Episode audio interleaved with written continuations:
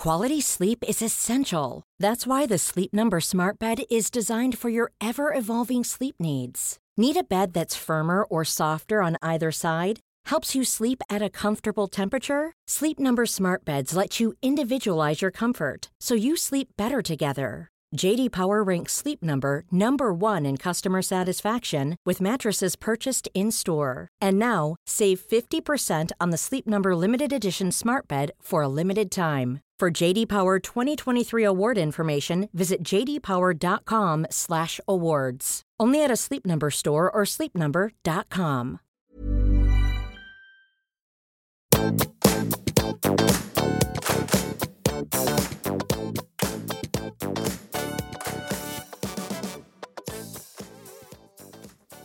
Har du kjent på at det kan være vanskelig å be om hjelp?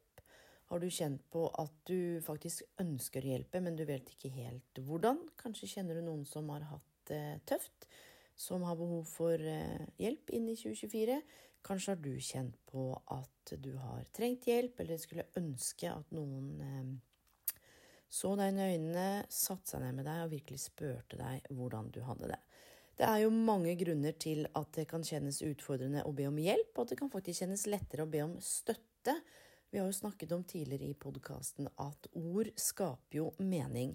Så inn i dagens episode reflekter litt over hva du legger i ordet hjelp, og ikke minst hvilke deler av deg er det som møter opp når du er i møte med andre som trenger hjelp, og hvilke deler av deg er det som møter opp når du selv har behov for hjelp. Handler det om eh, skam? Handler det om at det er vanskelig å legge bort ego? Handler om frykten for å bli sett på som svak? Handler om frykten for å ikke klare sjøl? Hva er det som gjør at det for mange av oss, for dette har vært et gjennomgående tema i alle menneskemøtene jeg har hatt nesten det siste eh, året, hva er det som gjør at det virker vanskeligere å be om hjelp enn tidligere? Og noe av det vi skal snakke om i dag i podkasten, handler jo om både litt hvordan samfunnet har utvikla seg, men også hvordan narrativene i samfunnet dreier seg om at vi skal klare sjøl, fikse sjøl, være selvstendig, få til alt, ikke være svake, levere på alle arenaer. Og det er klart da blir det vanskelig med både karrierehelse og work-life balance. Og med meg for å belyse denne tematikken her, nært, ærlig, personlig Vi skal ikke fikse noen ting, vi har ikke noe wow-oppskrift. Men det vi har til deg i dag, er human, ekte opplevelser og følelser vi deler eh, for å belyse nettopp denne tematikken, sammen med noen refleksjoner. Og du, godt nyttår. Husk at du er verdifull, og det er plass til deg i verden. Og god lytt. Med meg i dag som gjest er selvsagt Ståle Anderstuen. Let's go! Hei, alle sammen, og velkommen tilbake til podkasten Karriereveiledning med Elaine. Vi snakker de siste dagene inn i 2023. Et år som eh, ja, mange har et ulikt forhold til på ulike måter. Og nyttårsrefleksjonene, eller denne episoden her, skal egentlig både oppsummere 2023, som er helt merkelig å gjøre, for det kan jeg egentlig bare gjøre på egne vegne.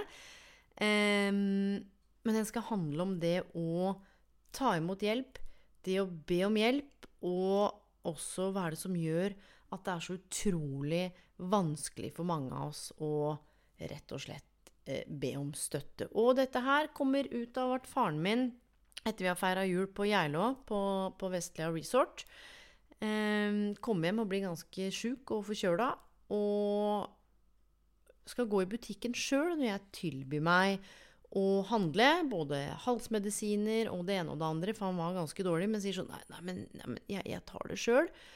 Ja, det er Aiden. Så jeg sa det, du. Du har ti minutter på deg til å sende en liste. Men vet du hva jeg gjorde? Jeg sa sånn, nå har du barnebarnet ditt her, for vi var på FaceTime. Vi øver på å lære han til, og meg sjøl, til å fortsette å spørre om hjelp, og det å kunne ta imot hjelp. Og jeg husker en gang så var det noen som sa hvis vi ikke tar imot hjelp fra noen, så er det som om vi gjør at de som har lyst til å gi, ikke kan få lov til å gi oss gaven av å hjelpe. Så jeg var streng med faren min og sa send meg en liste i løpet av ti minutter, så drar vi ut. Og med meg for å snakke om dette temaet her Jeg må ærlig innrømme at jeg har noen notater eh, på et gammelt munnbind jeg fant, fordi jeg kom på noen ting i stad. det er Ståle Anderstuen. Du er jo nesten husgjest nå.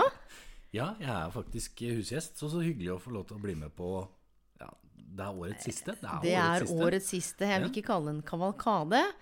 Eh, men du, vi har fått faktisk en del spørsmål fra Ja, eh, spennende. sp ja, spørsmål, og vi har fått en del refleksjoner. For jeg spurte på Instagram hvorfor ber man ikke om hjelp. Men før det, Ståle, hva er ditt forhold til å be om hjelp? Og vi skal ikke fikse noen i dag. Det er ingen som trenger å fikses. Vi skal rett og slett Vi har stått i mye forskjellig. Vi har støtta folk som har stått i sjukt mye forskjellig.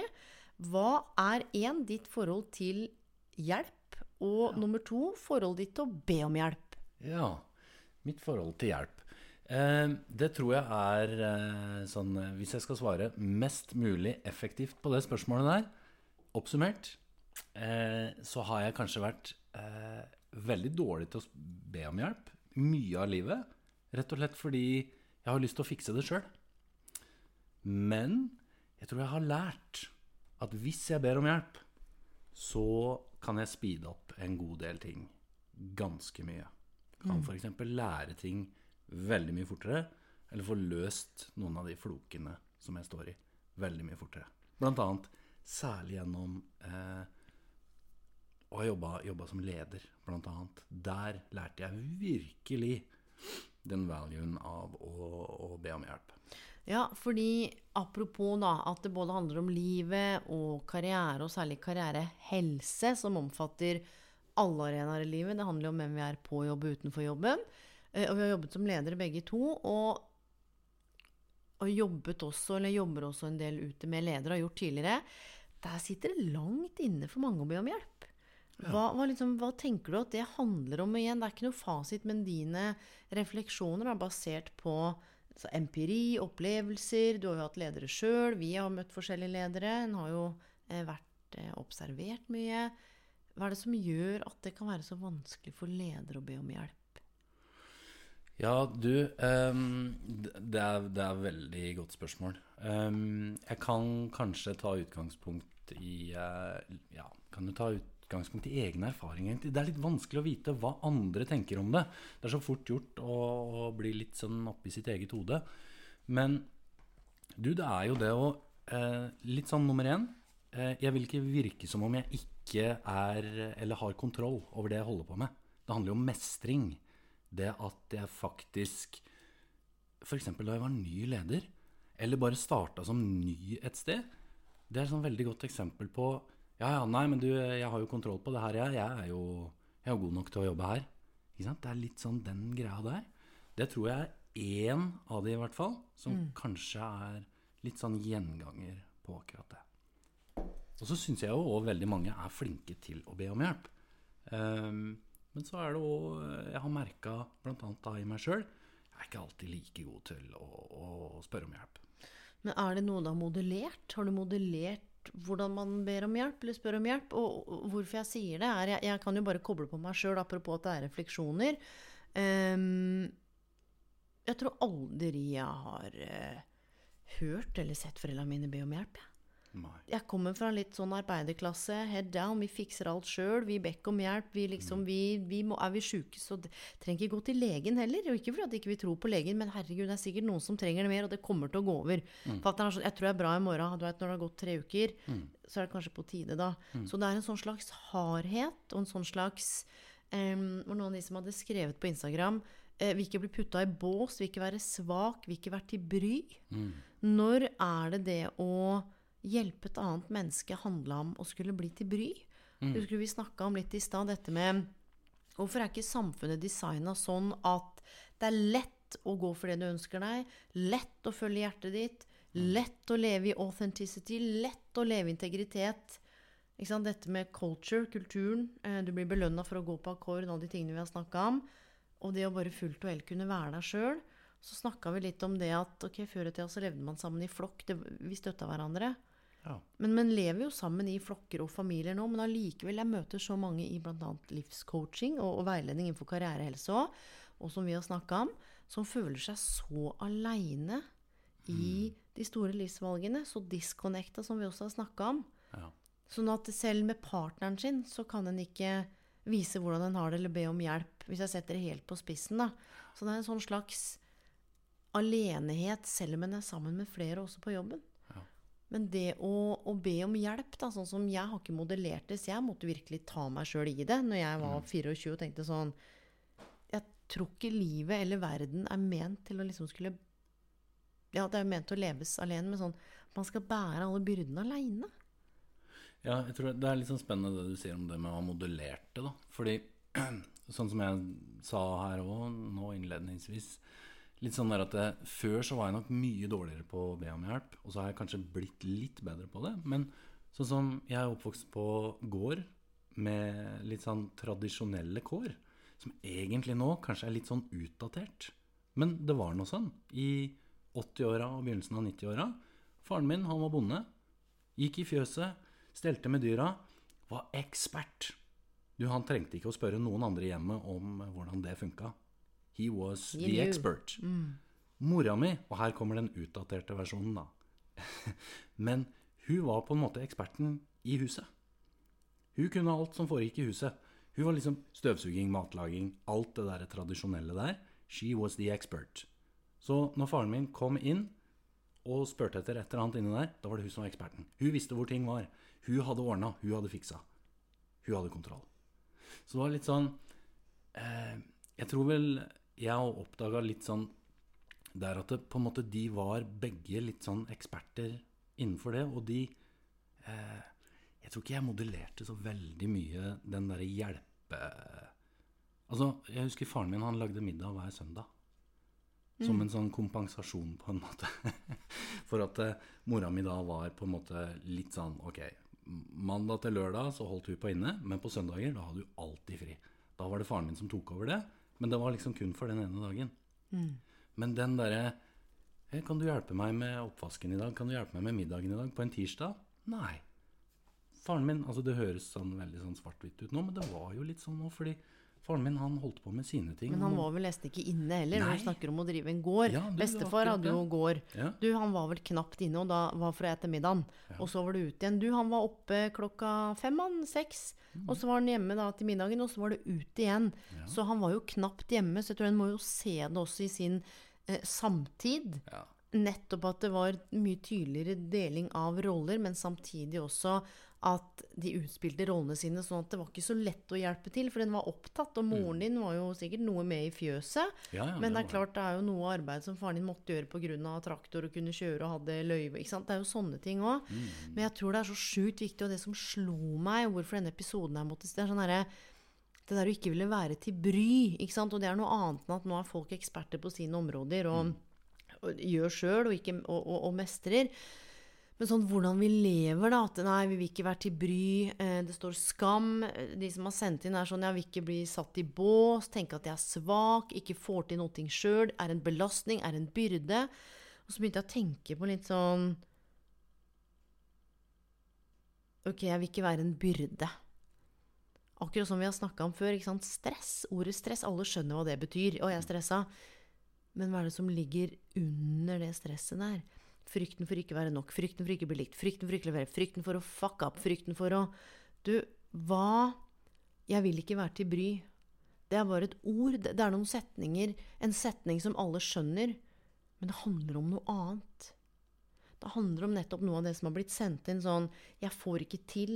Jeg er svak. En del av identiteten min eller trossystemet mitt, det jeg tror på, er at jeg er en som får til. Og nå gjør jeg plutselig ikke det. Det er ganske vanskelig nå sier jeg ikke at dette gjelder om, det er ganske vanskelig å produsere en sånn verbal tankerekke til noen.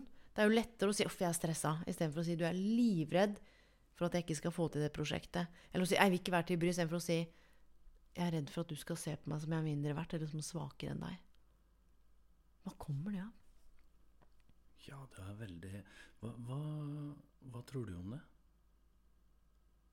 Jeg tror det er noe sånn helt grunnleggende i oss mennesker om at Apropos den delen som handler om autentisitet, og klare sjøl. Se på barn da, fra de er små.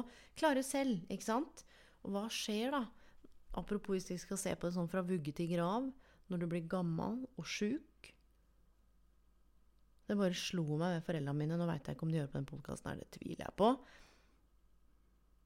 Men er det sånn det skal være når de blir gamle? At en må slåss for å hjelpe dem?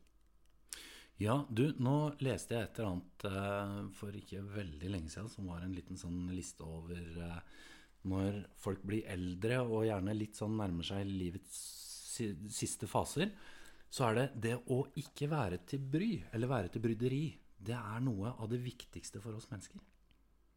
Apropos det du snakker om nå. Og det er jo veldig spennende. Ikke være til bry. Ja, Ikke plage deg med mine greier. ja, ja. Kan du kjøre meg til legen?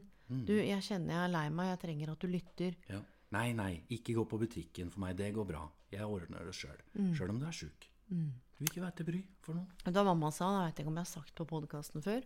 I 2016 så hadde hun uh, sitt første hjerteinfarkt tilfeldigvis, så var jeg hjemme. Skulle egentlig til Patrick, en kompis av meg, hadde vært borte og reist. Snudde og bare dro hjem. Jeg vet ikke, sånn, Herregud, jeg har ikke sett foreldrene mine. Jeg drar dit.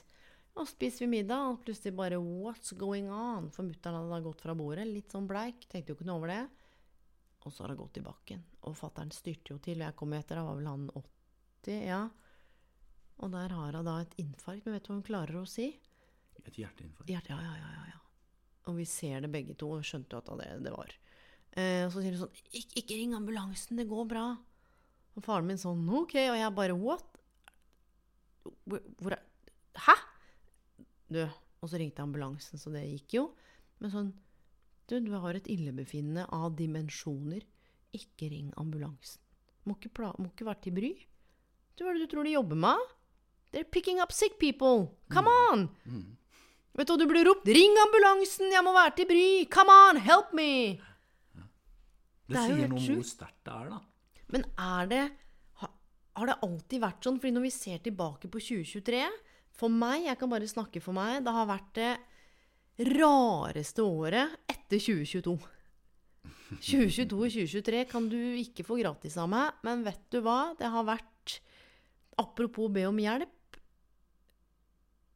Noen ganger er det vanskelig å be om hjelp, fordi en veit ikke egentlig helt hva en trenger hjelp til. Det er bare noe som er sånn off. En kjenner, eller en Jeg har kjent av og til at jeg ikke er meg sjøl. Men jeg er jo det. Men det er vanskelig å sette ord på, fordi samlivsbrudd de får for barn annenhver uke. Du, det har vært noe sånn grunnleggende Du, jeg har båret med meg sorg jeg, i to år, tror jeg. Hvordan, hvordan skal en Og alle bærer jo med seg noe. ikke sant? Karrierehelse, hvordan du har det på jobb, utenfor jobben. Hvordan, når Alf Inge eh, Aksel Inge Sinning var på podkasten, så sa jeg sånn Når er det man veit at man skal be om hjelp? Så sa han sånn eh, Når det du går og bærer på, blir et problem i hverdagen. Eh, og, og det har jo ikke vært, det har ikke vært noe Jeg bare klarer ikke å forklare det, men det er jo ikke alltid man veit hva man skal spørre om hjelp til. Gir det mening? Det sånn Nei, og vet du hva, min erfaring er litt sånn der, det, du, det, det er veldig godt sagt. Og så er det òg det at det er mange som altså, Akkurat å vite Ja, men når blir det et problem i hverdagen, da? Når går det fra å være noe som på en måte Altså, bare tenk med deg sjøl. Hvis du er i en situasjon som du opplever ganske vanskelig, når er det det bikker over til å bli et problem? Og når er det på en måte det er manageable? Før det blir det problemet? Ja, det er en sinnssykt viktig refleksjon. Og hvorfor det er viktig, er fordi når vi nå ser tilbake på 2023, skal det være mer av det i 2024. Apropos et sånt lite mikroverktøy som heter Keep Stop Start. Hva, hva skal en slutte med? Hva skal en fortsette med? Hva, hva hva er det en skal stoppe med som is, is unhealthy, i den grad det går en kan gjøre det aleine? Ja. Hva skal en fortsette med, og hva skal du begynne med å gjøre? Og jeg tror det er noe med de, de refleksjonene, det å stoppe opp og lytte nå, da, og reflektere over sånn Når opplever jeg at jeg er til bry? Når opplever jeg at andre er til bry? Når opplever jeg at andre har problemer som bare går utover hverdagen? Og når er det jeg sjøl, hvis jeg er helt ærlig med meg sjøl nå Det er jo derfor vi driver og flykter inn i telefoner og serier og holder på med what to do-lister og lever i fremtida. For hvis du skal møte dette her nå, ikke sant, så blir det overkommelig. Det er derfor jeg har sett så mange relasjoner jeg har sett i karriereveiledning. Eller i jobb, da. Vi tør ikke spørre om de tingene vi lurer på, fordi vi frykter jo svaret. For får du vite det svaret du egentlig ikke har, så må du ta grep. Og jeg tror én ting jeg har lært, som jeg har lyst til å si når vi skal snakke om å spørre om hjelp Det betyr ikke at noen skal hjelpe deg med hele livet ditt, men det betyr at du kan få støtte til én grad av livet ditt. I én, én grads justering. Og Eh, jeg, jeg tror sånn Det som er mye, de årsakene som nevnes her eh, Nei, jeg vil ikke være til bry. Jeg vil ikke jeg, jeg, jeg vil liksom ikke Vet du hva det handler om? Det er, alt det skjer jo oppi mitt eget hode. Det er jo mine egne vurderinger. At jeg er til bry. Vet du hva? Folk, mennesker, er, er det én ting vi elsker å gjøre, det er jo å hjelpe til. Oh, yes. Bidra. Føle at vi er nytt, til nytte for noe. Du, jeg har aldri opplevd, tror jeg Kanskje det har skjedd en eller annen gang pga. at noen har vært veldig opptatt, hvor jeg har spurt noen Du, kan du bare hjelpe meg med et eller annet? Folk kommer jo nesten løpende. Ja, ja, ja, ja, ja jeg kommer etterpå. Er det greit? Vi liker jo å hjelpe til. Vi er skapt for å samarbeide. Ja. Vi er skapt for å hjelpe til. Små barn Ja. er skapt for å hjelpe til. De er ikke skapt for å sitte og se på iPad mens vi lager mat. De er skapt for å få en jalla kniv til å hjelpe opp å skjære frukt, eller røre i en bolle, eller dekke på. Ja. Og vi er skapt for å bidra, vet du hva? Vi har snakka mye om, og også opptatt av, meaning, passion, purpose. Og vi har jo snakka om det, og særlig du, dette med å være på- i seg sjøl. Men jeg vet ikke om jeg kan si the scriptures, for det må du som en sånn Gå ut og gjør noe for andre. Gjør noe godt, bidra i lokalsamfunnet. Om det er én time som besøksvenn i Røde Kors, om det er 30 minutter hvor du I don't know, bærer en handlepose, spør noen i oppgangen Når du har gjort noe for noen Du, den følelsen er å få lov til å bidra. Og det er dette her, når vi ikke spør om hjelp jeg skal koble meg på det du sa, så tar vi også fra som jeg sa den gaven av å kunne hjelpe. Her har du en gave, og du bare slår den bort. Nei, det går bra, trenger ikke. Og så er jo poenget sant? vi skal ikke hjelpe for å fikse. Og det er forskjellen, for når du snakker om at ja, det er du som gjør de vurderingene oppi ditt eget hode om at nå er du til bry, f.eks. For, for meg. Vet du hva du gjør? Du tar fra meg autonomien til å kunne få lov til å ta en selvstendig beslutning på om har jeg tid til å hjelpe deg, har jeg mulighet til å hjelpe deg, og vil jeg hjelpe deg. Veldig ofte, dere, så gjør vi noe som er litt merkelig. Vi tar ting veldig personlig. Så når du sier til meg sånn Nei, det passer ikke, så blir jeg sånn Nei, du liker meg ikke. Nei, nå var jeg til bry. Det kan godt være at du ikke hadde tid, og det kan godt være at du ikke hadde anledning, men det er klart du hadde lyst. Og så kommuniserer det. Men jeg hører noe annet. For tenker sånn, nei, men jeg visste det. det er ikke, jeg er ikke verdt å hjelpe. Så jeg tror det kan handle om også en opplevelse av er jeg verdifull nok? Er jeg verdifull nok til å kunne be deg lytte til meg? Kan jeg bruke 15 minutter av tiden din? Det er én ting jeg trenger å sette ord på. Jeg vil bare at du skal lytte. Fordi det du også er inne på, og til kjære dere lytter òg, som er med oss i disse refleksjonene Jeg veit du kjenner noen som kjenner noen, eller reflekterte over dette sjøl, eller bare kjenne på det. Denne episoden her handler om litt sånn moment of truth. Hvordan har det vært i 2024? Når har du bedt om hjelp? Hvem har du bedt om hjelp? Hvorfor har du bedt om hjelp? Hva som gjør at du ikke har gjort det? Hva tenker du når andre ber om hjelp? Hva slags hjelp er det du gir? For det er forskjell på hele tiden å være på tilbudssida fordi du trenger å bli likt. Sant? Hvis jeg ikke hjelper deg, så liker du meg ikke. Og derfor så bare er jeg en sånn hjelpecycle fordi jeg får verdi gjennom å hjelpe. Du, det er bullshit. Det er manipulasjon. Da lurer man folk til å like deg, som egentlig er falske premisser. Men det jeg skulle si med det du sa, det handla om Jeg vurderer at du ikke f.eks. kan hjelpe meg. Så jeg tar fra deg muligheten til å ta det autonome valget. Og ikke bare det. Jeg har tenkt for deg, jeg. Jeg går rundt og tar overansvar. I play God. Skjønner du? Jeg tar overansvar for Knut og Per og Ahmed og Pål og Sabrina og Kari og tenker sånn Nei, de har ikke tid til å hjelpe meg. Så ikke bare har jeg bestemt hva de gjør med tiden sin, jeg har også vært inne i hodene deres og tatt et slags ansvar. Og det å gå og bære ansvar for andres tanker og følelser Fryktelig slitsomt. Og det er det jeg ser skjer i jobb daglig i organisasjonen jeg holder foredrag, de jeg jobber med, karriereveiledningen, hatt masse lederutvikling. Og så er det sånn Men nå er jo du oppi hodet til eh, lederen din igjen. Altså til f.eks. styret. Er sånn Ja, men eh, Ja, men hvorfor er du oppi hodet til Lars? Ja, men han kommer vel til å Er du sikker på at det er sant? Nei. Så beslutningen du baserer nå på at du trenger å redusere arbeidsmengden for å holde på å gå i veggen Hvis du sier ifra om det, så betyr det at Lars får Så du har bare hatt egentlig en hel sånn spillefilm i huet, du? Det er jo ikke rart det blir vanskelig å be om hjelp, fordi hva er det vi har? Vi har så sjukt mye narrativer og historier omkring det å skulle be om hjelp. Ja. Jeg tror det er veldig viktig det du er inne på nå, det der med hvem er det du blir når du ikke spør om hjelp? Og hvem er det versus hvem blir du når du faktisk spør om hjelp? Bare legge litt sånn merke til hva er det som skjer med deg. De gangene som jeg kanskje ikke spurte om hjelp, litt sånn tidligere, Eh, du, jeg blir litt mer sånn um, Hva skal en si? Jeg blir sittende, og så begynner jeg å lage litt mer sånn Ja, men her får en ikke noe hjelp uansett. Og det er litt sånn jeg, jeg, jeg, Heller enn å se potensialet i ting, så begynner verden å lokke seg. Ikke sant? Akkurat som expanding, at eh, ting utvider seg når ting er fint. Eh, men det er akkurat som den contract. Verden blir litt sånn mindre. Når du spør om hjelp, så finner du ut at plutselig Oi, jøss, det her var jo fint. Og så, og så fant du ut noe along the way. Det gir deg jo muligheter til å utvikle deg òg. Og så er det selvfølgelig sånn Noen ganger så kan det jo være reelle ting som gjør at det er vanskelig å spørre om hjelp. For all del. Kan du tenke på noen ganger som det Ja, jeg tenker på jeg, Nå er jeg oppi hodet ditt. Ja, Jeg har akkurat sagt at man ikke skal være oppi hodene til folk. ja det er spennende. På hvilken måte da? Ja, du har jo stått i Begge foreldrene dine er borte, det veit jo Ja. lytterne. Ja. Eh, De døde jo med åtte måneders mellomrom henholdsvis Hvem år er vi nå? I henholdsvis 2021 og begynnelsen av 2022? Ja. Og de var jo syke.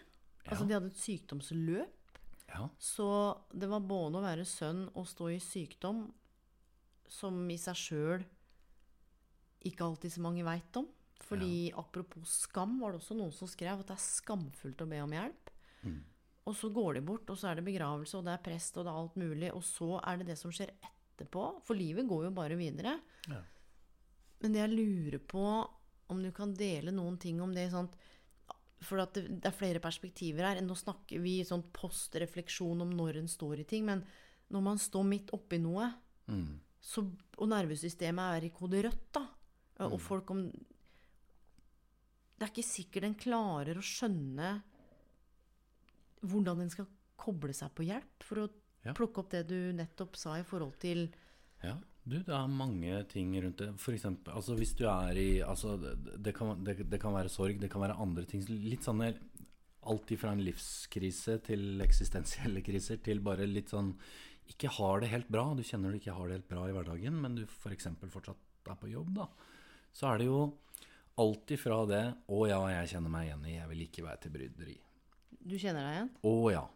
Fordi det er litt sånn eh, Jeg har ikke lyst til å dra på jobb og på en måte ødelegge stemningen, hvis du skjønner hva jeg mener. Eh, og så blir det litt sånn Burde jeg ikke bare holde meg hjemme? Hvis, altså Nå snakker jeg bare sånn ut ifra mitt Oh, eget yes. hode, ting som sirkulerte oppi her. Eh, burde jeg ikke heller da bare holde meg hjemme? Hvis det er sånn at jeg går på jobb, og så jeg og så sitter jeg og bryr kollegaene mine, som da egentlig skal gjøre arbeidsoppgaver, gjøre jobben sin, og så skal jeg sitte og snakke med dem om ting som ikke handler om det. Kanskje ting de ikke er interessert i, sjøl om det handler om at eh, Altså i mitt tilfelle foreldre som ligger for døden. Men altså, jeg, jeg tror det er nettopp her at eh, vi får så mange tanker som ikke nødvendigvis er rasjonelle, men vi begynner å leve veldig i vårt eget hode.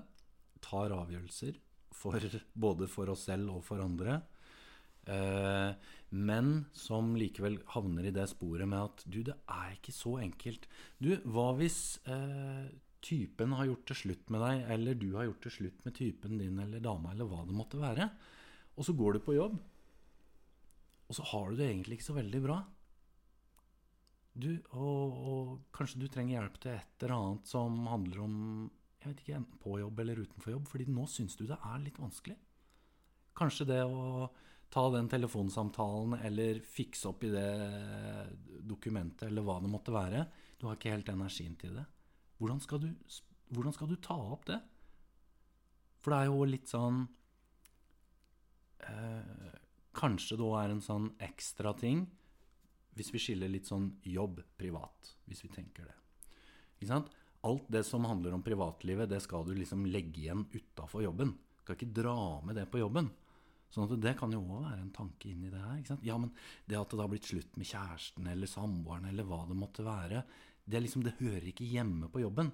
Og igjen så snakker jeg om hva er det som foregår oppi våre egne hoder, og ikke nødvendigvis det som er virkeligheten. Har du noen tanker rundt det? Jeg tenker umiddelbart på organisasjonskultur og arbeidsmiljø. Ja. Og, og karrierehelse. Eh, Jeg kan jo bare si det, at, og nå skal jeg si det rett ut, så kan det godt postpone komme. Eh, det ene stedet jeg var inne og jobba, da sto jeg i et samlivsbrudd. Helt uinteressert i å verken eh, dele med noen der, eller å koble på noen der. Du, arbeidsmiljø arbeidskulturen? Nei. Du, fint at folk tenkte at å, her er det kjempefint. Good on them. For meg? No. Kjente at dette her, fine folk, kommer aldri til å henge med de ellers. Eh, arbeidsmiljøet var godt ut ifra de forutsetningene som var der, og de rammene som var, den organisasjonskulturen. For meg? No. Det var ikke naturlig å komme inn og si folkens, nå er det litt eh, tøft om dagen. Eh, kunne kanskje si det til én eller til to, men at det var en sånn Du, nå trenger jeg litt ekstra backing. Her er det mm, tøft. Det er liksom et ferskt samlivsbrudd. Det er fordeling av barn. Apropos å være en mor uten barnet sitt, som er en Jeg kan ikke engang snakke om det, eller jo, det kan jeg jo, for det er også en refleksjon. Apropos spørre om hjelp. Um, du, det lå ikke naturlig for meg, og jeg er ganske varm, jeg er åpen, jeg er raus, jeg er tolerant.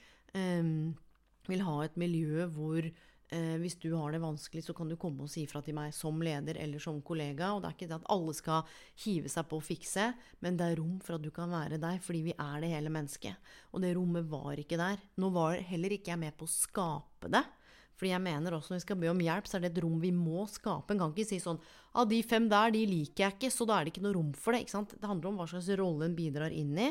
Men jeg har vært i arbeidslivet siden jeg var 13 år. Jeg har jobba sjukt mye med de tingene her. Jeg veit når noe er trygt og ok. Jeg veit når noe er varmt og nært, og, og noen bryr seg. Og jeg veit når jobb er jobb. Og jeg tror det her har ganske mye å si.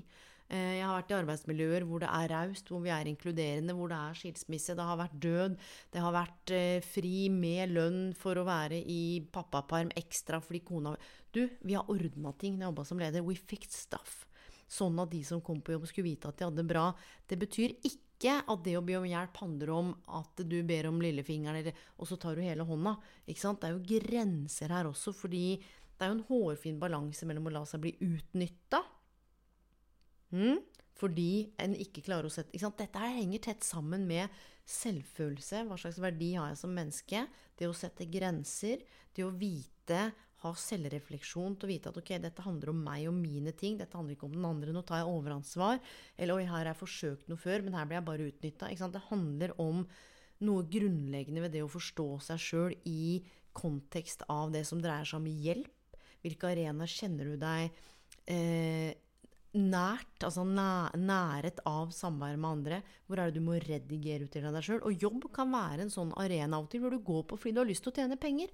Du har ikke lyst til å hvelve ut at det er doble dødsfall, og egentlig så burde du ikke vært på jobb fordi shit, ikke sant? Eller si sånn, du, egentlig har jeg bare lyst til å sitte og grine. Kjennes som hjertet mitt har knust i tusen biter. Jeg skjønner, Det går ikke an å lime det sammen. Her sitter jeg og hører på sånn piss. Jeg driter i hva dere snakker om. Du, kan jeg spørre deg om en ting som uh, Vet du hva du kan få gjøre i den siste episoden her? Ja? Du kan få lov til å spørre meg om hva som helst. Ja, så flott. Du, da, skal nå skal jeg først spørre da om Det, det handler om det du sa nå. Uh, fordi når du da går på jobb, og, og du egentlig bør være litt flinkere til å be om hjelp, men så gjør du det ikke. Mm. Når du egentlig burde gjøre det. Mm. Hvordan kan du da Altså, hva burde en gjøre? Burde en rett og slett bare eh, Burde en ta noen dager eh, sy sykefravær? Fordi en kanskje ikke er helt i stand til å være på jobb? Eller bør eh, Hvordan bør en gå fram eventuelt med å be om hjelp? Har du noen ja. ja. Og jeg tenker at det starter ikke på arbeidsplassen. Det starter i de nære relasjonene, i den grad du har det. Hvor du tar den samtalen med partneren din, venninna di, noen du bryr deg om, og sier sånn Du, nå er det vanskelig for meg å gå på jobb. Du veit at jeg står i noe tøft. Eh, I dag så tror jeg at jeg må ta en prat med sjefen min. Eller i dag trenger jeg at du blir med meg inn på jobb, for det er faktisk lov, uansett hvor wild det virker ut, å ha med deg noen på jobb i et møte med lederen din. Det kan være å si at du, jeg har akkurat mista noen, så i dag er bestevenninna mi Trine med. Eh, send en mail med at du gjerne vil ha et møte og ta med deg Trine. Ha avtalt med Trine hva dere skal snakke om, om det er at du trenger noen dager fri, du trenger arbeidsavlastning. Eh, dette gjelder også ved sykdom. Du, jeg har jobba med fantastiske kunder som har vært syke. Blitt syke. Vi snakker kreft, vi snakker utbrenthet, vi snakker De har stått i ting. Og så er sykdomsperioden på sett og vis over, og nå begynner hun å bli rehabilitert og skal tilbake. Altså bare for å ta den delen av det, jeg skal svare på spørsmålet ditt. Som blir behandla som dritt.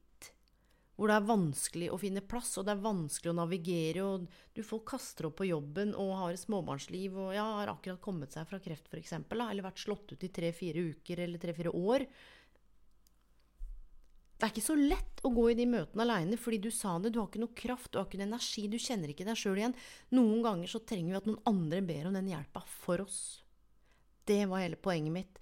Så om det er et dødsfall, om det er et samlivsbrudd, om du bare er lost, eller hva enn det nå er, så handler det om at er det en annen er det som du stoler på, som du kan alliere deg med, som du kan ringe før du tar den samtalen med sjefen din, eller HR, som venter på deg når du har hatt den samtalen, som er der når du sender den mailen, sånn at du ikke føler deg så aleine i det å be om hjelp. Og det er så sjukt viktig. Jeg har sett det fordi jeg har fulgt folk på Nav, og nå liker jeg Nav veldig godt. Jeg har hatt fantastisk samarbeid med 99,9 av Nav. Gjør fantastisk jobb, mange har møtt. Og så er det noen ikke sant, som ikke helt har den menneskelige gefühlen, hvor jeg da har Vet du hva, det har vært dag og natt. Når du er faktisk Du har en som is in your corner. Så for å svare på det, og for å liksom koble det på det året her òg, da Hvem er det du har i hjørnet ditt? Mm. Og hvem fortjener å være i hjørnet ditt? For det er ikke hvem som helst som fortjener å være der. Og det holder at det er én. Samme med barn og barn som har det vanskelig. Det trenger én signifikant annen, de. Av og til, hvis vi har det tøft, så trenger vi at det er én som tror på oss. Én som klarer, apropos lys da, i bebodde øyne, um, det diktet Hans Børli, som tror på deg, som støtter deg, som ser deg, som bare veit hva du trenger før du trenger det sjøl. Fordi det å forvente at noen med Hvis jeg kan bare bruke det, at du sjøl etter å stå i dobbel sorg og tre-fire år med sykdomsløp skal si sånn Hei, hei! Helt ny jobben. Jeg lurte på er det mulig å få noen dager fri, eller? Jeg veit at det er flere nyansatte og sånn, og at vi litt sånn Vi må jo se hvem av oss som er best, eller hva enn en tenker på.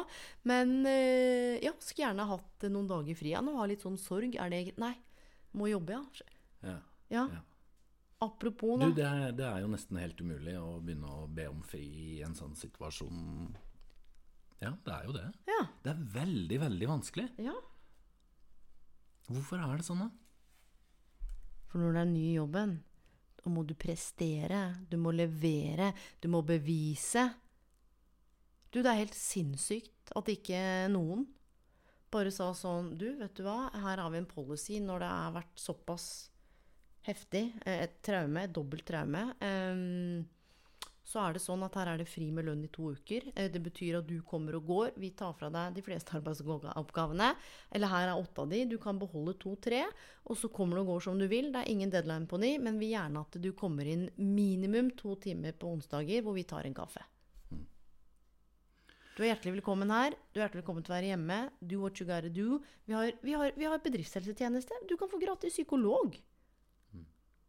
Nå snakker vi ikke kun om deg, vi snakker om flere tusen mennesker i arbeidslivet som har opplevd tap av ektefelle, tap av barn, tap av eh, jobb. Jeg tror det er litt sånn derre det, er det er ikke bare dette. det er vanskelig å be om hjelp noen ganger, men det er òg sånn vanskelig å se at vi faktisk trenger hjelp. Innrømme for oss sjøl. Du, jeg trenger faktisk hjelp, jeg nå. Fordi hva sier det om meg? Oh, jeg kjenner det bare jeg sier det nå, sjøl om Jeg ser det. Ja. Jeg kjenner, jeg kjenner Det er akkurat som om Jeg blir litt sånn Akkurat som det er en sånn svakhet. At en må be om hjelp til noe. Mm. Det var det nesten 90 har skrevet inn. Det kom inn over 300 Hvorfor er det så vanskelig å be om hjelp for mange?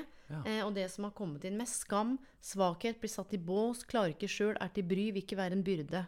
Svakhet. Tegn på svakhet og ikke fikse sjøl. Du, dette med svakhet som vi var inne på, om det er noe som er lært, eller om det er noe som blir kultivert. Altså, vi blir jo født, og da trenger vi jo på en måte hjelp. Vi dør jo uten. Ja, det gjør vi. Så hvordan har det å be om hjelp er lik eh, svakhet? For det vi snakka om før, det var jo at det, en trenger at noen av og til kanskje tar Ikke nødvendigvis av, men, men hjelper deg uten at du vet at du trenger hjelp sjøl. Og hvis det oppleves som en svakhet å be om hjelp, hvordan er det da hvis noen på en måte insert yourself og begynner å hjelpe deg egentlig mot din vilje, men så, vil du, så trenger du det? Hvordan veit man, sånn som du sa, når man trenger hjelp og ikke, da? Apropos, for det jeg hadde lyst til å si, det er sånn når du insert yourself in other people's lives, det er sånn Jeg ser at du har det vanskelig, så du trenger hjelp. Når er det folk mener at ikke de trenger hjelp, og når Dette er så vanskelig. Ja, det er jo det. Um, når er det du trenger hjelp? Nå måtte jeg tygge to oliven. Jeg tror ikke man skal gjøre det når man spiller en podkast. Men mm, i og med at det er min podkast, og det er ingen som produserer den annet enn eh, produksjonsselskapet mitt, som nå eh, blir til meningsfullmedia.no, så Ja. syns jeg det var meningsfullt å ta to oliven nå. Ja. Ikke like meningsfullt for lytterne, men kanskje jeg trenger hjelp, som ikke har podkastetikette. Men vi må tøyse litt, fordi når vi snakka om dette med å be om hjelp Vi har snakka om det at vi trenger noen ganger at noen hjelper oss når vi ikke helt klarer å hjelpe oss sjøl. Fordi uten hverandre, og her er hele poenget mitt, så er vi hjelpeløse. Fordi du eh, hadde et quote, du, av Alan Watts. Ja, du, det er eh, Det er vel eh, kanskje mitt sånn favorittsitat. Eh, sitat. Det er vel sånn Alan Watts tok det fra en eller annen dikter, jeg er litt usikker på hvem, men eh, uviktig er nå det. Men eh, det går sånn cirka som følger. I alone and afraid in a world I never made. Og det syns jeg oppsummerer liksom den menneskelige The human condition Hvordan da? på en sånn sjukt fin måte. Ja. Du, det innebefatter så mye. Eh, jeg, alene og redd, i en verden som jeg aldri lagde. Altså, vi har jo aldri bedt om det her. Og så blir vi litt sånn Vi føler oss litt av Vi føler oss veldig fort alene i ting. Apropos redd, frykt. Du, jeg vil ikke, jeg vil ikke være svak. Jeg, jeg skal ikke bry noen. Hva tenker alle andre om meg? Ja, hva tenker alle andre om meg? Men når slutta det å være viktig hva en tenkte om seg sjøl, da? Ja, når slutter det? Jeg spør fordi akkurat det mm, sitatet der, da Og vi har snakket om det før, ikke i podkast, men vi, har, vi diskuterer jo mye rart. Men dette med eh, hvor mye av fri vilje er det vi egentlig har? Sånn som når vi f.eks. ikke ber om hjelp, er det, fordi, er det fri vilje, eller er det fordi det er programmert inn? Husk at foreldrene våre er et produkt av sine foreldre igjen, og sin samtid. Og så kom jeg til verden, da. Og det var forventninger og tanker og drømmer for meg og livet mitt om hvordan jeg skulle se ut, og hva jeg skulle gjøre, og hva som var greit og ikke.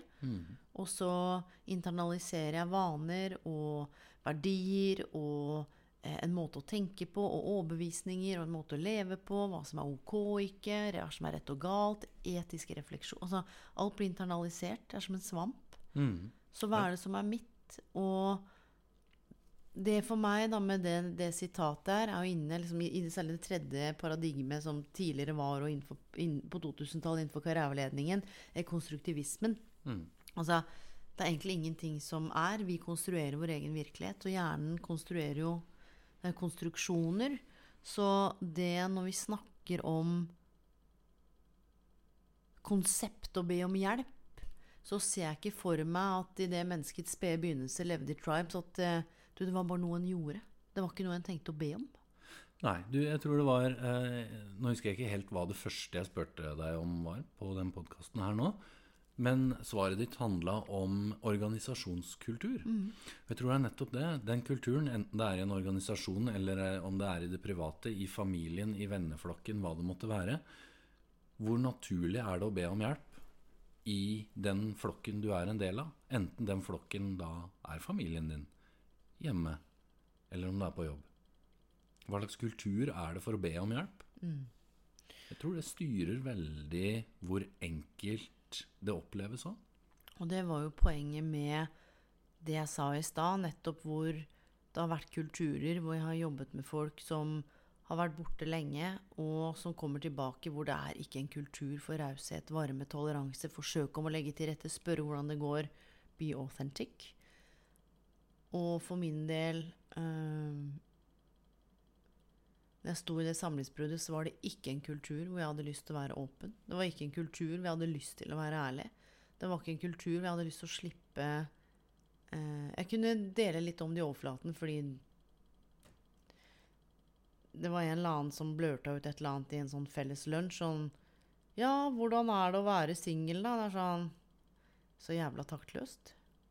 Read the fucking room.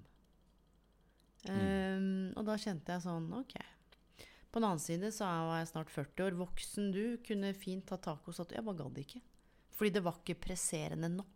Hadde vært det, så hadde jeg adressert det. Og det er som var poenget mitt med det du spurte meg om i stad, hva jeg tror. Du, jeg tror kulturen den er en del av, som du sier. Jeg tror i arbeidslivet med karrierehelse det har alt å si for hvordan vi opplever at vi blir sett, hørt og tatt på alvor.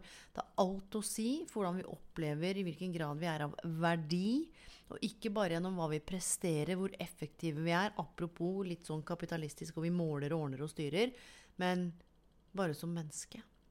Se hva som skjer ofte når folk sier opp. da. De blir litt sånn sjand. Det er sånn, 'Uff, de betyr ikke noe, skal vi få inn noen nye? Er det én ting Jeg har en veldig god kollega som heter Jørn. Vi har jobba som leder begge to.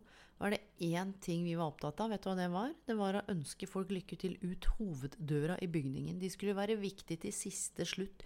De skulle få lov til å være like mye del av teamet. like mye del, av du vet, Det er litt sånn Nei, da får du ikke den infoen. da får du ikke Det blir noe sånn, Da er man bare ferdig. Du er ferdig å produsere.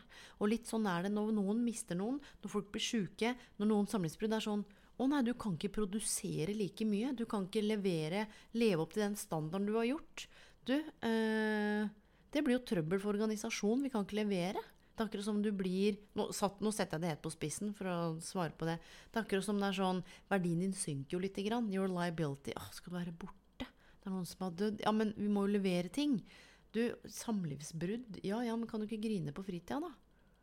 Og her er vi også inne på noe viktig. Jeg tenker dette er Hvis vi skal Når vi snakker litt sånn generelt om dette med å be om hjelp, hva det kan handle om, og det har også kommet inn eh, spørsmål fra lytterne. Og det ene handla om nettopp det som vi var inne på i stad, hvor det står eh, Hjelp, jeg har for mye arbeidsmengde. Hvordan kan jeg be om hjelp eller støtte til å få redusert arbeidsmengden min? Og jeg var inne på det i stad, men det handla om i sorg, f.eks. Det er kanskje litt rart å ta med seg eh, bestevenninna di eller bestekameraten din Truls, hvor det er sånn Abba ha med meg Truls i dag på medarbeidersamtalen. Skulle gjerne hatt litt mindre jobb. Det er, det er kanskje litt rart. Uh, hva tenker du? Um, Be om hjelp til å redusere arbeidsmengden. Er i ferd, og så sto det er ja. i ferd med å bli utbredt? Ja, for det første så tror jeg Ja, det er veldig viktig da å be om den hjelpa. Eh, og så er det litt sånn eh, Hvem skal du spørre? Fordi det er jo en, en kan dele de to. Kan, noen ting kan en sikkert spørre kollegaer om. Hvis det er noe småtteri her og der, eller det er noen arbeidsoppgaver, og det faller seg naturlig. Men alltid i sånne det her hørtes jo ut som om det var en litt sånn pressing situasjon, mm, så det var litt kritisk. Alltid snakke med leder, eh, vil jo jeg si, i hvert mm. fall. Uh, det støtter jeg. Og to ting kan være sant. Snakke med leder og fare for da, sanksjonspress. Ja. Du vet de tingene som vi har snakka om med ja. sykenærvær, ja. som gjør at en liksom, går på jobb når en burde vært hjemme. For igjen, da, det der å fremstå som svak. Så tenker jeg, hva er det som gjør at en har hatt så stor arbeidsmengde over tid at du er i ferd med å bli utbrent. En må begynne i en annen ende. Ja. Så en del av løsningen som ligger ikke å fikse, er jo å snakke med leder. Mm. Men jeg tror hvis en walk the cat back begynner å se på hvordan havna han i den situasjonen i første omgang. Mm. Har det vært sykdom i avdelingen, spurte at du har steppet opp Er det fordi at du liker å prestere og få ros? Er det der du får verdi fra? Mm. Og jeg er helt enig med deg. Dette bør nok adresseres med leder eller HR. Ja. Og så er det litt sånn derre uh, jeg, jeg, tror uh, en, en, kan si alt, men det er måten man mm. sier det på. Si det en gang til. Dette er aha moment, for det Oprah Winfrey. ja? Du kan snakke om alt, eller si alt, men det er måten du snakker om det på. Og det er en liten sånn uh, Det var en veldig klok leder en gang som sa det til meg, og det har jeg tatt med meg og, nå også 15-20 år senere. Ehm, så det er litt sånn Det her er viktig å snakke om. Ehm, det er nok en fin ting å ta med HR eller med leder, men kanskje tenke litt godt gjennom hvordan man snakker om det. Mm. For jeg tror det er det. Kommunikasjon. Og, ja. og da hvis du sånn Ja, jeg er snart burnout. Jeg må ha redusert arbeidsmengde. Mm. Og det er litt sånn ut av det blå. Så Vi lagde en episode for lenge siden hvor vi lagde et manus hvor de skulle forberede seg til en samtale med lederen. Jeg lurer på om det ligger på Karrierehelse på Facebook. Vi la, la en sånn For her handler det også om hva, hva er det du skal si? Hvordan skal du si det? Tre-fire punkter. Men det, nå er vi inne på framing, ikke sant? eller prospektteorien. Dette som handler om hvordan er det du rammer inn ting. Og vi vet jo det med gevinst-tap, ikke sant. Um, fra helsepsykologi nå. Det er 30% sjanse for at du dør, eller det er 70% sjanse for at du overlever. Mm. Hvordan tar du budskapet? Ja. Ikke sant? Så du, ehm, kjære leder ehm, Jeg har bare gjort meg noen refleksjoner. Tusen takk for all tilliten jeg har fått til å gjøre alle de spennende oppgavene. Tut, tut, tut, så må du ramme det inn på en sånn måte at ikke Og så må jeg bare stoppe meg litt før jeg sier det, for det er sånn her må en passe på å være i sitt eget hode og ikke leve opp i lederens hode. Samtidig så er det jo sunt å forberede seg og tenke ut eventuelle scenarioer, men Ja. ikke la de scenarioene få lov til å styre innholdet i dialogen i det øyeblikksbildet. For da eh, jeg tror en kan forberede seg så mye at en går glipp av detaljer fordi du har hatt en slags Du har sett for deg hvordan det skal bli, så blir det ikke helt sånn. Fordi lederen svarer noe annet eller blir sint, men du hadde sett for deg at det var dans på roser. Ja. Så en kan forberede seg og tenke ut scenario, være oppe i andres hoder, men være såpass i vater at når du kommer inn i samtalen, så er du til stede sånn at du kan lytte og koble deg på stemningen i dialogen. Ja. Og fange opp sånn Hadde tenkt å si det, men skjønner at det ikke er så lurt her. Du, da velger jeg dette isteden. Ja. Jeg tror det er litt sånn der, altså, Litt sånn two stars in a wish, da, på en måte. ikke sant? Det å starte med Ok, eh, hvor, hvordan er det det går? Hva er det som går bra? Bra. Altså, hva er det som funker per nå? Eh, jeg føler jeg gjør dette bra, og dette har gått eh, veldig greit. Men det jeg skulle ønske videre nå fremover, eller det jeg trenger nå videre fremover for å få dette til å få dette trygt i land, da, så er det dette. For eksempel, det kan være en sånn én fin måte å ramme det inn på. Ja. Eh, heller enn å bare rase inn til lederen og litt sånn oh, jeg er helt overarbeida. Det her får jeg ikke Utbrent, til. kommer til å bli Yes, sykemeldt. jeg, jeg trenger hjelp. Jeg, noen andre må ta over for meg. Mm, jeg klarer ikke mer. Ja. Og jeg tror det her Genial. Two stars and a wish. Takk for all tilliten. Det syns jeg har vært kjempebra. Og det som er bra med det, er at jeg får lov til å vokse. Nummer to, jeg har lært meg masse nye ferdigheter. Og det jeg trenger mer av nå, det er enten at vi får en ressurs til, eller at noen andre tar over disse to arbeidsoppgavene. Og så kommer det Kast ballen over med et åpent spørsmål. Hva tenker du om det? And then shut up. Da Stop the rambling. Vi prater masse når vi er nervøse. Vi styrer og ordner. Vær stille. Hvis lederen din blir stille, just keep quiet. Ballen er i dems hjørne. Og så lytter du på det som kommer. Og så bare still gode, åpne spørsmål og gå i dialog. Ofte så er lederen interessert i å løse det. Så det er det ene. Og så en ting til. Vi skal ta et lite et til. ja. Og det er Å, oh, den her er eh, Skal vi se. Hei. Da må jeg le litt. Har, for, har gamle foreldre som hele tiden ber om hjelp. Jeg blir gæren. Jeg hjelper så godt jeg kan, men det er aldri nok uansett hva jeg gjør. Jeg er ikke eh, Jeg er der for kort. Jeg hjelper ikke til nok. Hjelp, hva skal jeg gjøre? Jeg har lyst til å fortsette å hjelpe dem, jeg er glad i dem, men nå Nå står det prikk, prikk, prikk. ja, vær så god. Det her føler jeg virkelig mm, Det her eh, det, er, det er ditt område. Det er det, ja? Ja. ja. Jeg har drevet mye med sånn livscoaching, så hvis jeg skulle gitt noen råd eh, Tre ting. Se om en kan ha med seg et slags Og dette her gjelder ikke bare dette. Dette her er for 2024 òg. Alle gjør så godt de kan med det de har. Det kan virke helt sinnssykt, men bak enhver handling er det en god intensjon. Det kan virke helt crazy, du trenger ikke tro på det, men det er en grunnleggende tro jeg har. Det at foreldrene dine aldri er fornøyde, aldri er nok, det er et eller annet behov i seg sjøl som de forsøker å møte, som det er ikke sikkert du skjønner, som det er ikke sikkert du ikke forstår. Ofte kjenner man sånn Herregud, lyst til å bare ryste de, ikke sant? Se på alt jeg gjør, rope det ut. There's no use fighting fire with fire. Nummer én hva er dine behov? Nummer to hva er dine grenser? Det her handler mer om deg enn om de. Trøbbelet da, når vi begynner å sette grenser og ta ansvar, det er jo at eh, andre må endre verdensbildet sitt av oss. Det er ganske vanskelig hvis vi har holdt på med noe flere år. Eh, og det var noe mer der som jeg ikke leste opp, men det er alltid, det er flere søsken involvert i bildet. Men det er alltid vedkommende som stiller opp på alt. Søsknene gjør veldig lite. Kjennes ut som en tung byrde. Forsøkte å ha samtale, skrev litt Jeg bare svarte litt sånn, utdype litt. Um, frem og tilbake. Og kjenner på klin dårlig samvittighet. Sånn never enough. Jeg vil jo bare løfte sånn I hvilken grad får du verdi gjennom å alltid være den som hjelper? Det, det er, nå bare løfter jeg opp refleksjoner, fordi jeg liker ikke å gi folk råd. Det er nettopp fordi du er ikke i den settingen. Jeg veit ikke hvor gamle de er, jeg veit ikke hvor sjuke de er, jeg veit ikke hvor tett relasjonen er, jeg veit ikke hvordan det står til med deg, bor du nære? Jeg, jeg veit veldig lite. Men jeg veit noen ting, og det er de tingene som handler om hva foregår i meg, og hva foregår i de andre. Er det rom for å gå i dialog uten å si sånn 'Herregud, se på alt jeg gjør for dem', men si sånn um, Jeg har bare lyst til å snakke med dere om noen ting som jeg kjenner på. Og det handler om Jeg opplever at jeg gjør så godt jeg kan når dere ber om hjelp, og jeg gjør så godt jeg kan for å hjelpe til. Jeg handler flere ganger i uka. Jeg er her så lenge som jeg kan, men jeg har også mann, mann to barn, full jobb. Ehm, kanskje det handler om å avklare, og her kommer det, da. Avklare forventninger. Det virker for meg, ut ifra dette, og dette er viktig inn mot generelt å be om hjelp, jobb, privatliv, er forventningene avklart. Går det an å bli enige om at du kommer opp hver tirsdag og torsdag fra 56? Sånn at de også veit. Er det litt sånn i histen og pisten?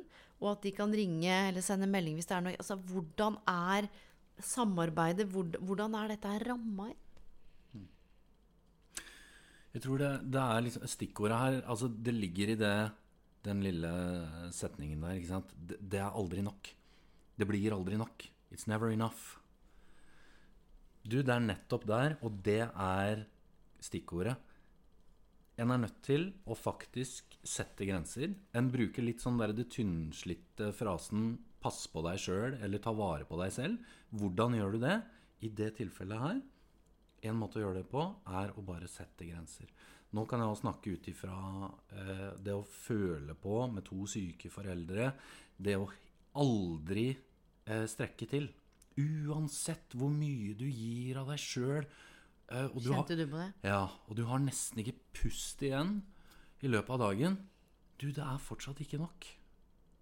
Og det er det til slutt, øh, og det har jeg snakka med andre om som har vært i samme situasjon, og det eneste der for å ta vare på deg sjøl, det er å bare sette de grensene. Du, i dag har jeg gjort nok. Det er nok. Jeg får ikke gjort mer.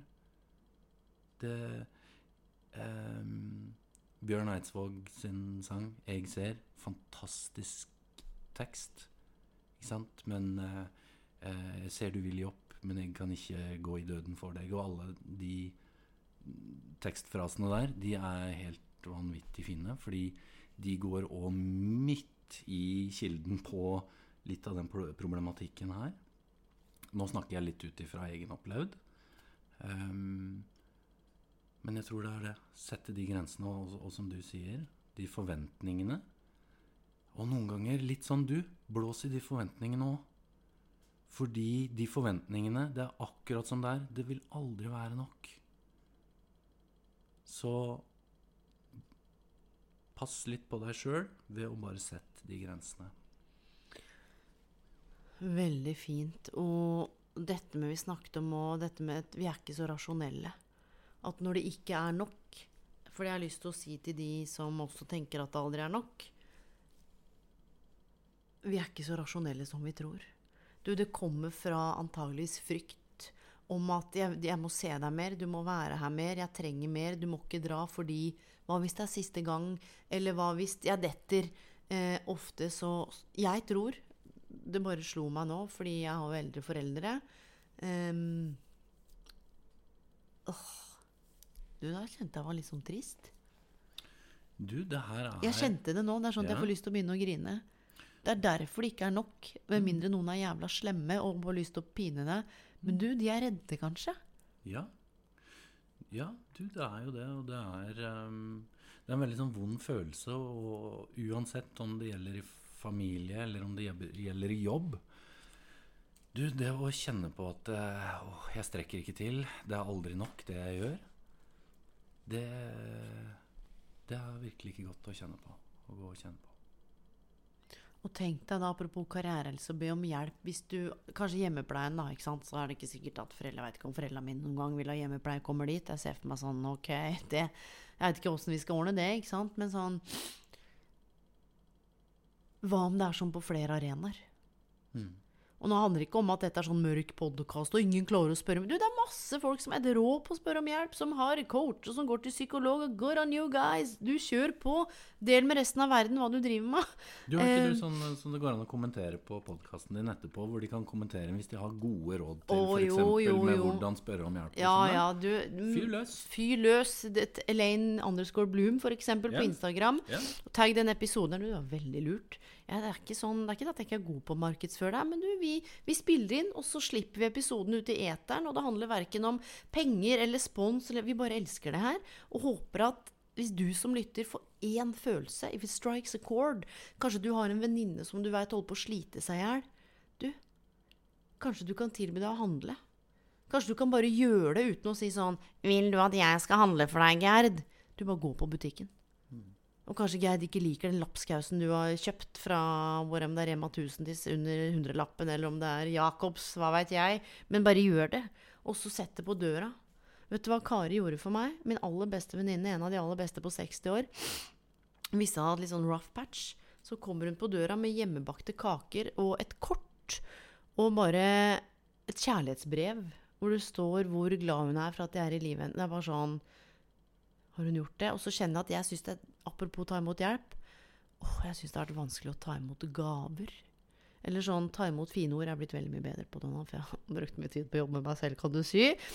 Eh, men herregud, er det én superkraft jeg vil at sønnen min skal få, så er det at han våger å be om hjelp. At han våger å si at han er redd. At han våger å si at du, nå kjenner jeg på svakhet. To ting kan være sant. Og jeg kjenner meg modig som spør om hjelp. Det tenker jeg er viktig å ta med seg inn i de kommende generasjonene. Det er et, til dels et prestasjonssamfunn, et jag om mening, et jag om lykkes, et jag om suksess, et jag om perfekt, altså det å være perfekt. Det er akkurat som ikke det er helt plass til å be om hjelp. Jeg tror skal vi skape gode, sunne communities, så trenger vi sånn Du, kan ikke du bare passe på ungene mine mens jeg drar på butikken?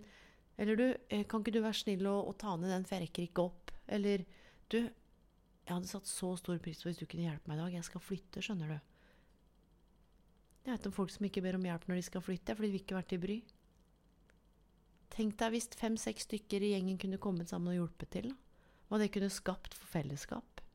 Det er akkurat som det er noe vi har glemt fordi vi skal fikse hverandre, og vi skal fikse alt sjøl.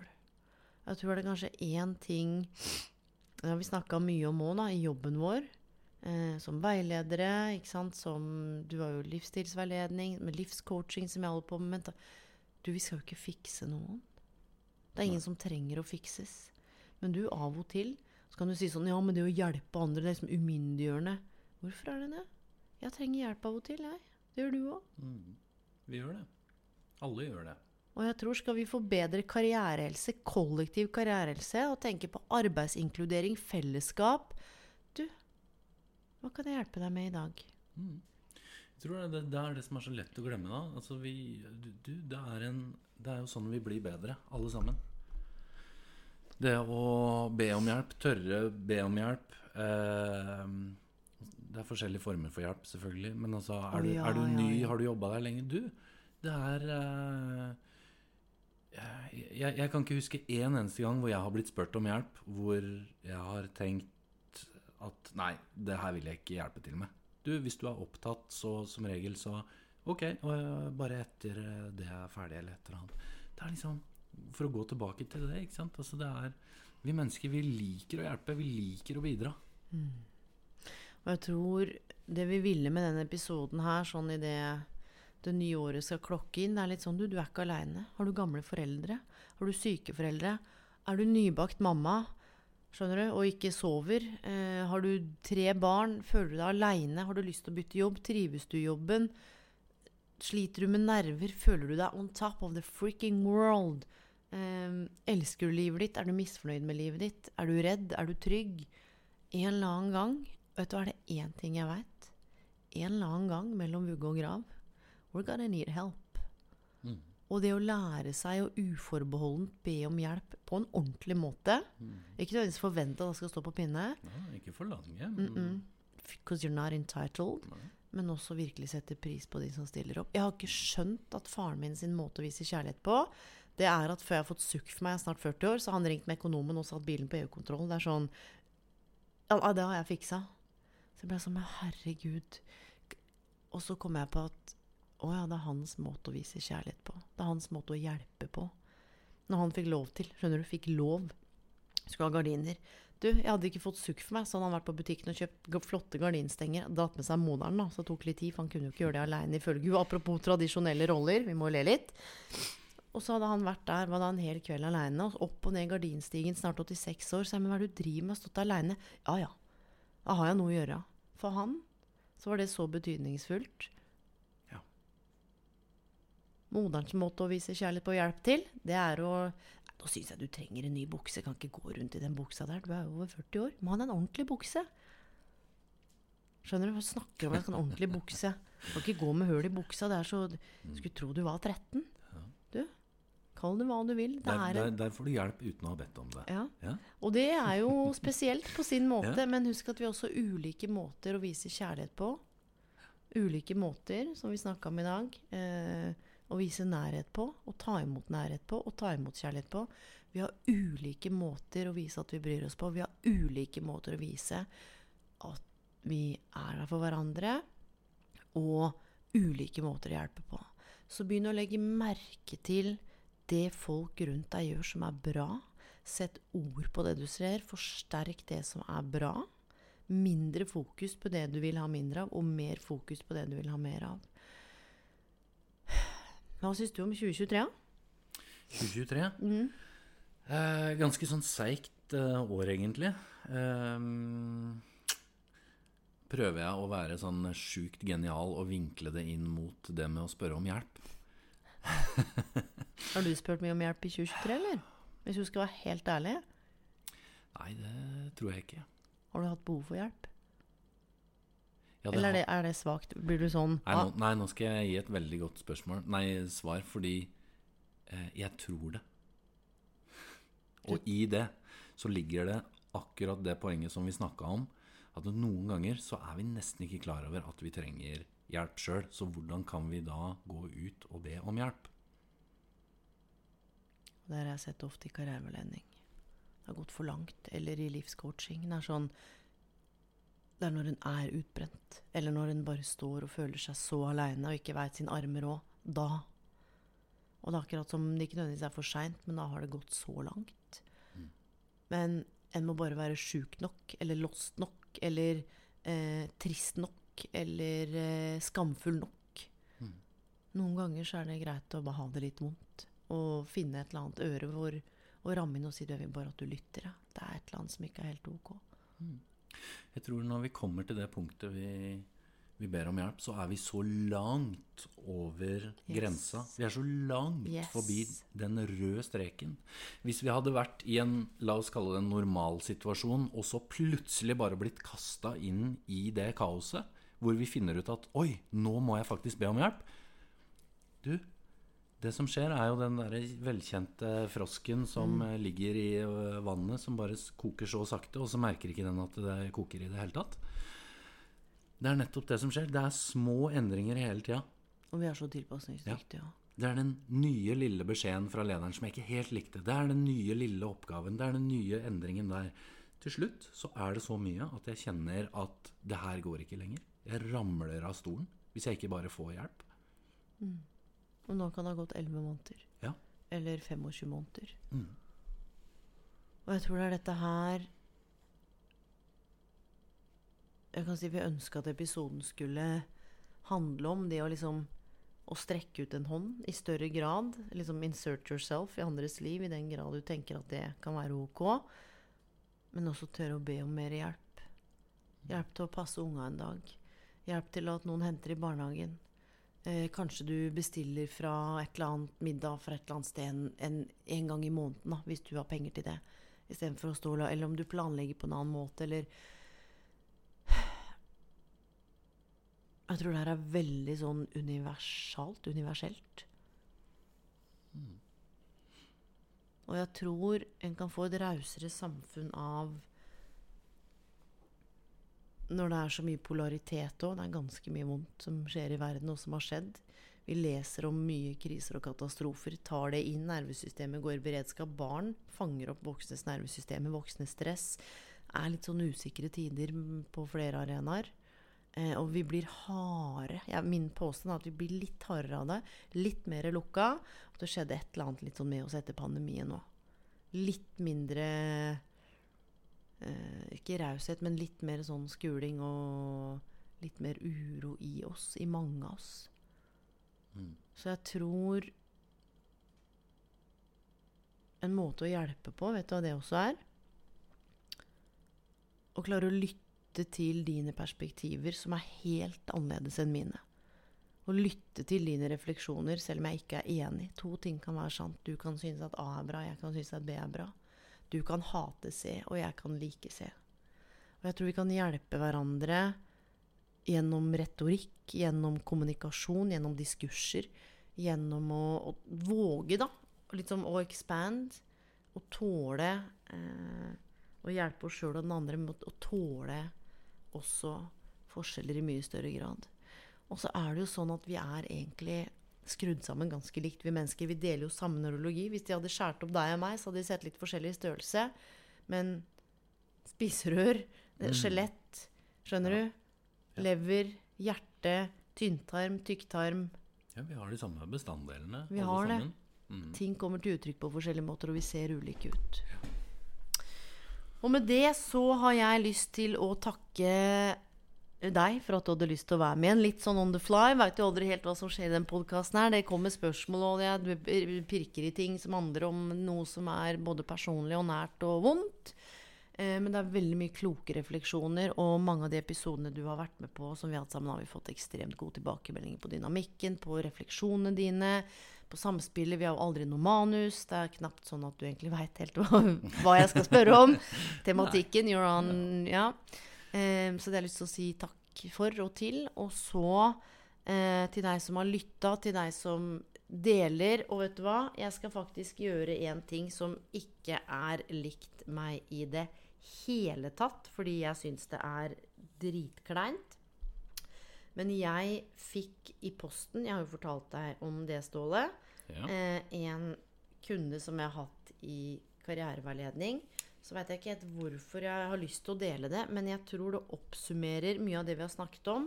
Og jeg har lyst til å fremheve at det jeg skal dele nå av den tilbakemeldingen her, har ingenting med meg å gjøre. Dette har alt å gjøre med det vi har snakka om i dag. Mm. Jeg går i postkassa, og der står det 'God jul og godt nyttår'. Kjære Elaine. Møtet med deg var et av de viktigste jeg opplevde i 2023. Du har hjulpet meg til å ta avgjørende skritt i riktig retning. Apropos riktig retning. Ja. Ikke sant? Som er riktig og viktig for, for vedkommende her. Og å tro på min egen verdi og plass i verden. Jeg hører på podkasten og julekalenderen din. Takk for arbeidet du gjør. Så flott. Vet du hva som er flott med det her? Dette er et menneske som jeg har så respekt for. Dette er et menneske som jeg håper jeg får møte i 2024 av hele mitt hjerte, som jeg kommer til å møte. Em, kjære lytter, da er 2023 er snart forbi. Hva er det du kan ta med deg inn i 2024 som du kan gjøre, som er ett skritt i én retning, som er riktig og viktig for deg? Én grad. Det kan være å si nei. Det kan være å strekke ut den hånda. Det kan være å be om hjelp. Det kan være å si unnskyld. Det kan være å ta den praten. Og du, det å tro på min egen verdi, det at du tror på din egen verdi, du, det er noe vi kan øve på. Og jeg tror, vet du hvorfor mange av oss ikke ber om hjelp? Vi tror at vi er ikke verdt den hjelpa. Vi vil ikke være til bry, for vi er ikke verdt å bry. Hadde vi opplevd at vi var av verdi, så hadde det vært sånn, du, kan ikke du hjelpe meg? Jeg hadde satt pris på det. Du hadde ikke tenkt på at ok, vedkommende har ikke tid, det passer ikke, de sier nei. Pff, ok, greit, da spør jeg neste, da. For jeg trenger den hjelpa. Jeg tror på at jeg er verdifull som menneske. Og at den hjelpa jeg får, du, det skaper noe mellom oss. Så den verdien, og ikke minst plass i verden. Så når det gjelder arbeidskultur, organisasjonskultur, kulturen i hjemmet, Hvilken rolle er det du spiller? Hvilken rolle er det du eh, ser de rundt deg spille? Hvilke grep kan du ta? Fordi er det én ting vi veit, Ståle, så er det at alle er av verdi. Vi har sett det. Vi har jobba med mennesker, vi. Ja. Som samfunnet, fra samfunnets standarder, redeem Hva skal man kalle det? Som samfunnets slum. Kan bare si det rett ut. For det er det folk har sagt til meg. Har du jobba med de? Mm. Har du jobba med de? De som har stått utafor arbeidslivet uten tenner i ti år. De som har vært sjuke. De som har vært sånn og sånn. Har du jobba med de? Hva skal de bidra med? Well, vi har ganske mye å lære fra de. Og når jeg sier de, så er det ikke sånn meg og de, men oss. Og det er litt det derre språket, og det er de, det er vi og dem. Poenget er at there there's one humanity. Det er det. For en flott måte å avslutte 2023-podkasten din på. We're one humanity. Så kjære deg, hvor enn du er i verden, om det er nyttår der du er, om du hører den etter nyttår før, god natt, god morgen på gjenør, og husk at um, det å be om hjelp er en veldig, veldig, veldig fin ting. Det er en eh, gave som vi ikke skal ta fra andre når de får muligheten til å hjelpe oss. Ever catch yourself eating the same flavorless dinner three days in a row? Dreaming of something better? Well, HelloFresh is your guilt free dream come true, baby. It's me, Kiki Palmer. Let's wake up those taste buds with hot, juicy pecan crusted chicken or garlic butter shrimp scampi. Mm. Hello Fresh. Stop dreaming of all the delicious possibilities and dig in at HelloFresh.com. Let's get this dinner party started. Planning for your next trip? Elevate your travel style with Quince. Quince has all the jet setting essentials you'll want for your next getaway, like European linen, premium luggage options, buttery soft Italian leather bags, and so much more. And is all priced at 50 to 80% less than similar brands. Plus, Quince only works with factories that use safe and ethical manufacturing practices. Pack your bags with high-quality essentials you'll be wearing for vacations to come with Quince. Go to quince.com slash pack for free shipping and 365-day returns.